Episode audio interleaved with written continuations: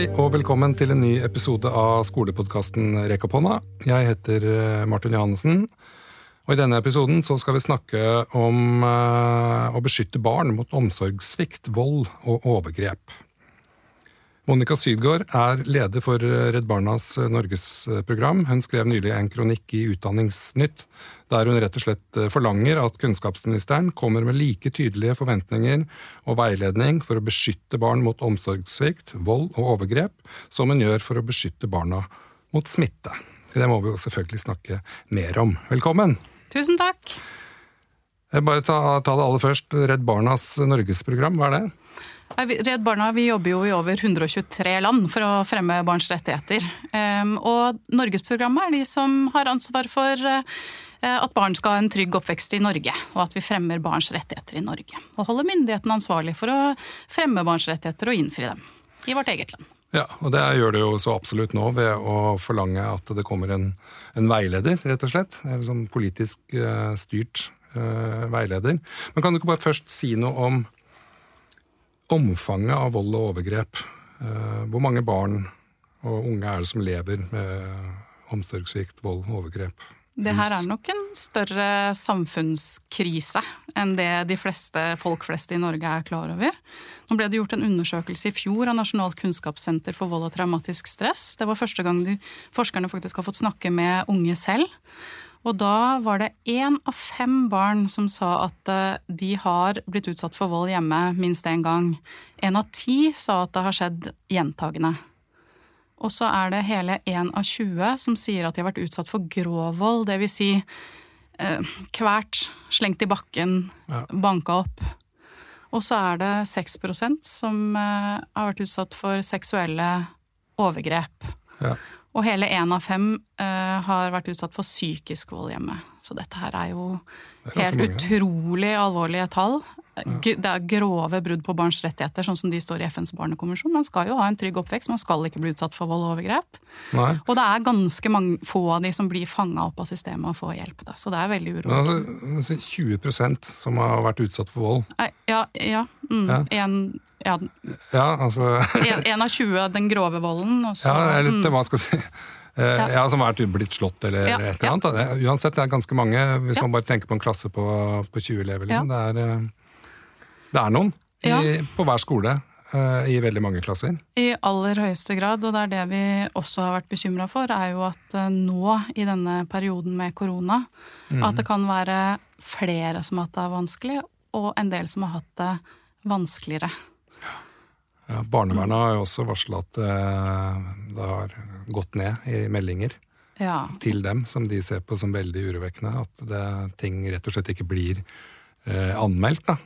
Kanskje fordi barna er hjemme, ikke på skolen eller i barnehagen. Ja, og det er jo noe med det at det er kanskje i barnehagen, det er kanskje på skolen eller, eller på fritida, fritidsaktiviteter, da, at de barna møter noen trygge voksne som de kanskje tør å fortelle hvordan de har det til, eller møter noen voksne som blir bekymra for hvordan de har det, og da eh, snakke videre med hjelpeapparatet og sikre at barna får hjelp. Så det kan jo være veldig mange nå som eh, har levd veldig isolert hjemme, kanskje med høyere konfliktnivå enn til vanlig, ja. og som ikke man har klart å fange opp. Så det er jo klart det er en kjempeviktig jobb nå for skolene, lærerne og alle å se de barna. Ja.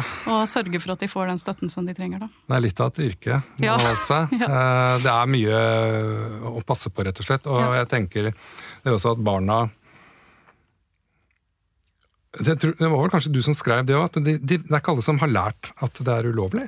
Nei, og det tror jeg overrasker en del voksne. Men når man også spør det er ganske få. De svarte at det var én av fem av de som har vært utsatt for vold eller overgrep, som sier at de har vært i kontakt med en voksen hjelper, da, à la helsesykepleier eller noen mm. i barnevernet. Og at det er ganske få som forteller det til noen voksne.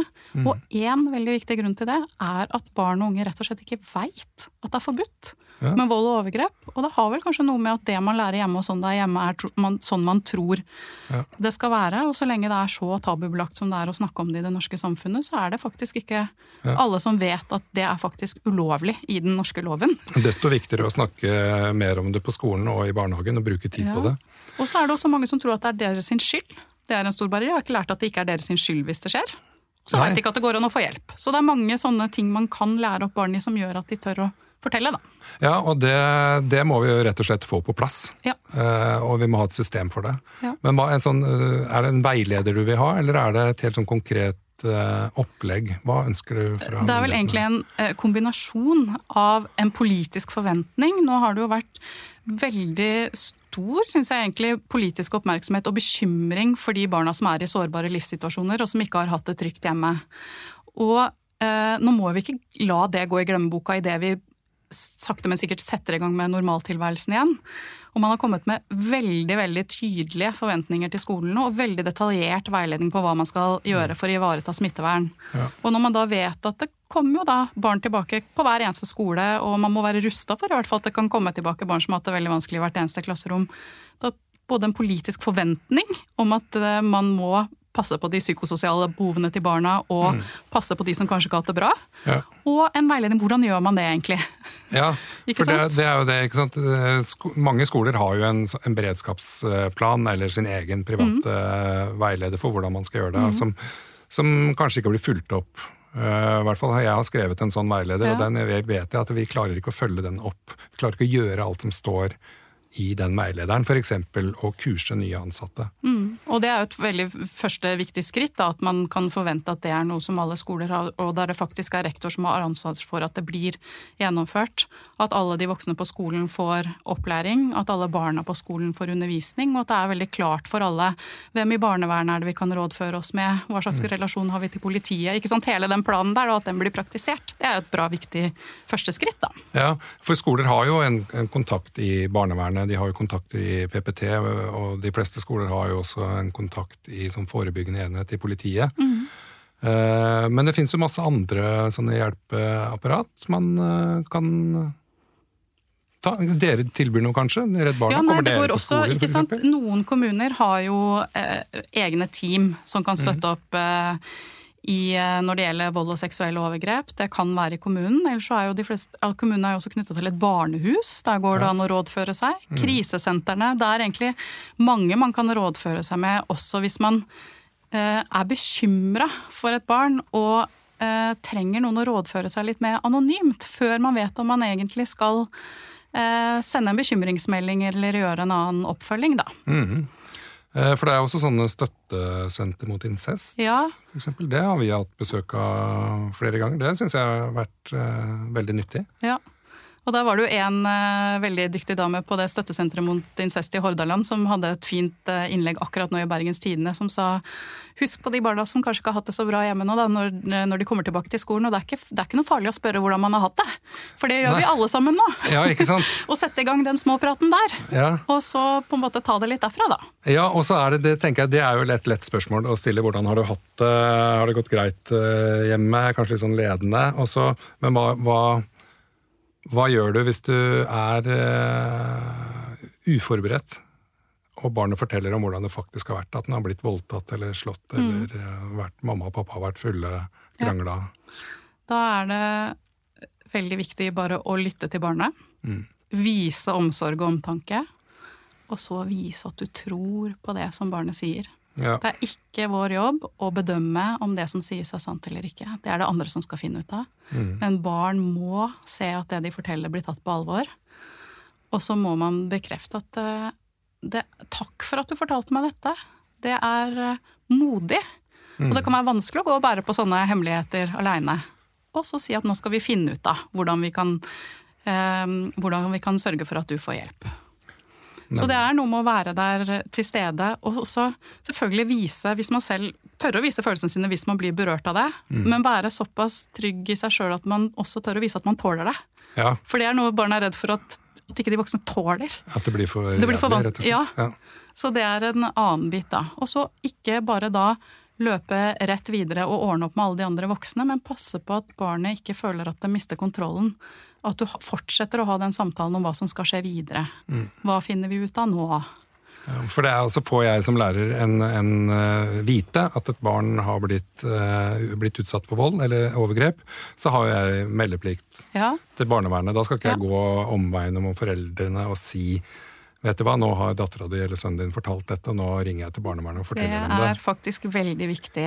At hvis, eh, men hvorfor er det så viktig at man går rett til eh, Det handler jo om at eh, eh, man, for det første, hvis barn hvis det, handl, det, det, er jo forskjell på om det handler om vold hjemme, eller mm. overgrep hjemme, eller hos noen andre, men hvis mm. det handler om at det er foreldre eller de man bor sammen med som har utøvd vold eller overgrep, så bryter man jo veldig tilliten til det barnet hvis man gjør det som kanskje er litt sånn Fordi det er det man er jo trent opp til, det er det gode mm.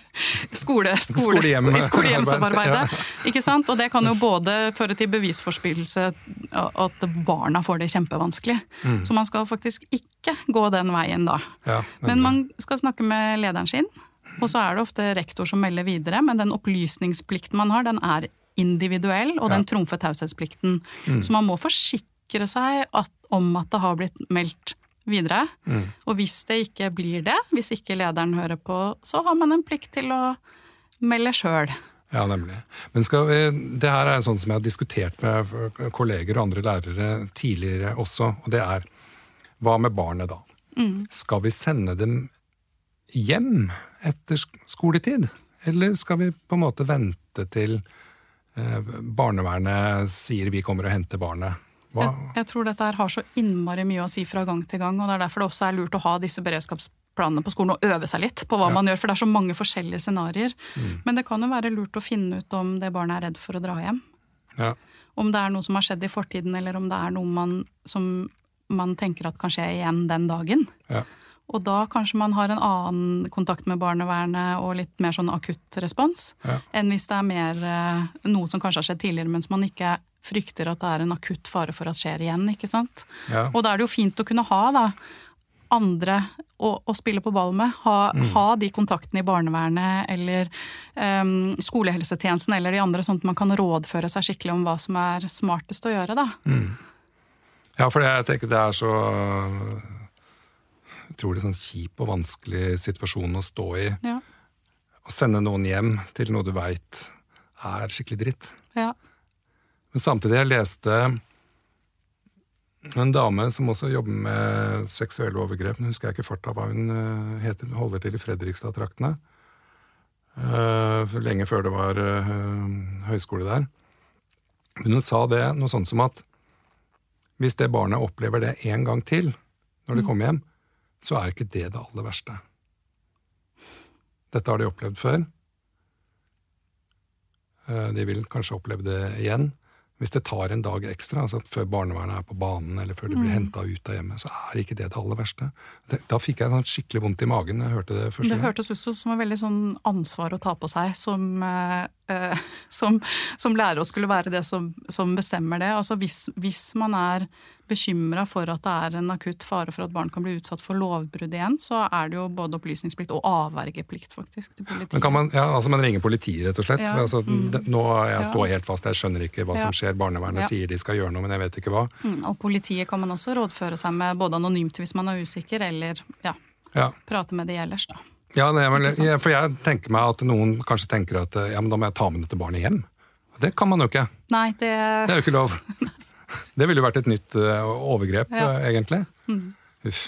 Men dette er, dette er, viktige scenarioer, og det er det vi har noen anbefalinger i Redd Barna til hvordan man bør se ut en sånn beredskapsplan også. Også dette her med disse øvelsene. Ja. Ikke sant? Man kan jo ha ett type scenario man kan øve på, der det er mistanke om at det kanskje er en på skolen som har forgrepet seg for et barn. Da, på et barn. Da må man kanskje ta det på én måte. Mm. Det kan være Eh, at det er noe som har skjedd i familien. Da mm. Snakke litt om hvordan man gjør det da, rundt alle de problemstillingene som du snakker om nå. Mm. En annen kan jo være at det er barn som forteller om noe som det er noen andre som har gjort. Og hvordan mm. man da selvfølgelig må være i kontakt med familien, kanskje få støtte barnevernet og også klare å støtte den familien som, ja. som skal få vite om dette her. ikke sant? Og det, det er ganske greit å ha tenkt gjennom det og øvd litt på det før det Ja, for det kan jo være en familie med noen søsken og ja. to kanskje to som er gift, ja. eller en som har en samboer, en ja. bonusmamma, bonuspappa, mm. et eller annet. Og det er også litt sånn man anbefaler at man prøver å finne litt ut av det, hvis barna faktisk viser deg den tilliten. For det er jo en veldig tillitserklæring Absolutt. å tørre å fortelle det til deg at man har det vanskelig eller utrygt. At man da også prøver å ikke, ikke på noen sånn forhørsmåte, men prøver å finne ut litt fakta. Men ja, for, nemlig. Fordi Kan det være flere? Er det, skjer det med søskenen? Søsken? Er det, skjer det ofte? Ikke sant? Noen sånne enkle fakta uten å være detektiv er det lurt å få dokumentert og få på plass, for det har også litt med bevis og dokumentasjon å gjøre. Men så skal Ja. man ikke gå for langt inn i det, for man skal ikke drive med Nei, men Ja. så har jeg også lest et eller annet sted, kanskje i en bok, kanskje i en kronikk, at Eller kanskje jeg har hørt det på et seminar, for den saks skyld. Men i hvert fall så sier det eller Det som jeg sitter igjen med, er det at du må Det er lurt å spørre flere ganger. Ikke ser, du ser at et barn ikke har det bra, så spør du hva, hva er det som Jeg ser at du ikke har det bra, hva er det? Nei, det er ingenting. ingenting. Og så spør du to dager etter igjen. Du, men du, jeg ser at du ikke har det bra, hva er det? Og så tredje gang. Ja, og det er, og begrunnelsen da, som jeg liksom satt igjen med, som var litt sånn overraskende for meg, det var at det, da vil barnet tro at når du som voksen spør om dette mange ganger, så må det være viktig. Ja. ja, den var fin. Derfor er det lurt å gjøre det. Mm. jeg, det men det er jo litt sånn detektivarbeid. Da. Ja. Det har man lov til. Politi er ikke lov, detektiv er Ja, lov. ja, selvfølgelig. Å følge opp og se barna og høre hvordan de har det og bry seg. Det er jo Ja. kjempeviktig. Og så er det en annen bit av dette her, som er den, den ene som vi har snakka mye om nå, som er kjempeviktig. Det er å være tilgjengelig for barna, høre hvordan de har det, være til stede, synlig. Eh, også selvfølgelig vise hvem andre som er ressurspersoner. Eh, få, få invitere inn eh, helsesykepleier. Vise at den døra er åpen, at eh, helsesykepleiere er, er eh, tilgjengelig ofte. Barna veit at den kan man gå og snakke med om hva som helst. Altså At de veit hvor de kan oppsøke hjelp Ja. også. Men den andre biten er jo dette her rett og slett med å få det inn i undervisningen. Ja. Um, at barn lærer om hva vold er, lærer om hva seksuelle overgrep er. Lærer at det ikke er deres skyld. Ja, det er kjempeviktig. Lærer om hvor de kan oppsøke hjelp, både hvem de kan snakke med på skolen, om alarmtelefonen for barn og unge. At det, at det nytter å si ifra, da. Mm. Og der har vi eh, i Redd Barna også noen eh, Hvis man går inn på reddbarna.no, så er det noen undervisningsopplegg og veiledningshefter både fra første til, sju, nei, første til fjerde trinn og fra femte til sjuende, som også er knytta til læreplanen og læringsmål og kompetansemål og sånn. Ja. Som også går gjennom litt sånn A til Å. Eh, både et opplegg, men man kan, man hvordan man burde forberede seg. Mm.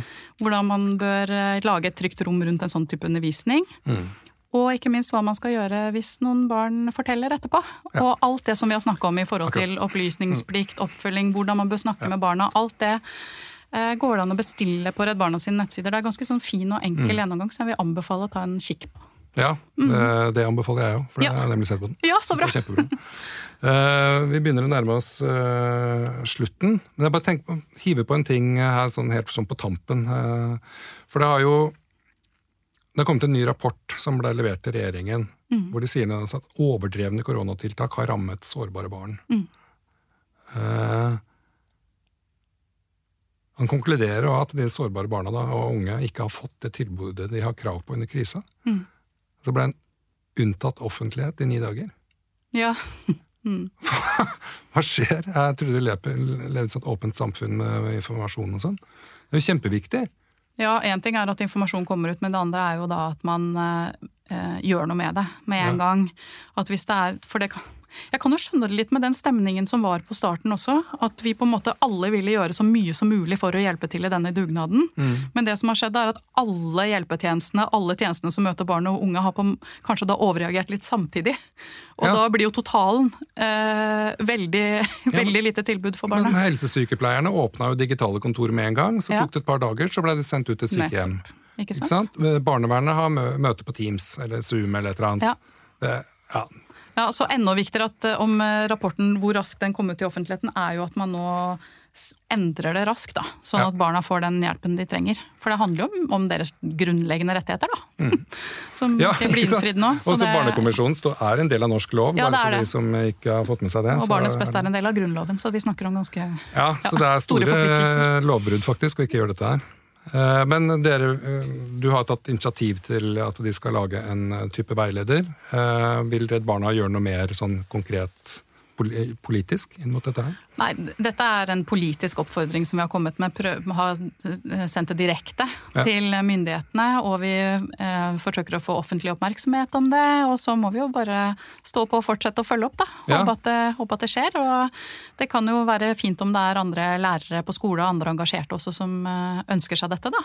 Ja. og ber myndighetene om det. Jeg tror eh, alle skoler ønsker seg det her. Ja. Altså Få litt klarhet i, rutiner. Hva, hva er lurt å gjøre, hva er dumt å gjøre. Mm. Så jeg tror nå som jeg er inne i en sånn slags veilederboom, så skal vi fortsette med det. tror du ikke det? Ja, Yes. Men eh, tusen takk for at du tok deg tid til en prat, Monica Sydgaard i Redd Barna. Tusen takk for at jeg fikk komme. Og takk for at du hørte på Rekk opp hånda. Nå finner du godt over 100 episoder i katalogen med masse kloke skolefolk som snakker om alt som har med skolen å gjøre. Vask hendene, bruk antibac, hold avstand, pass på kohorten din, pass på alle barna og meld ifra dersom du er bekymra. Følg magefølelsen. Vi er straks klar med ny episode.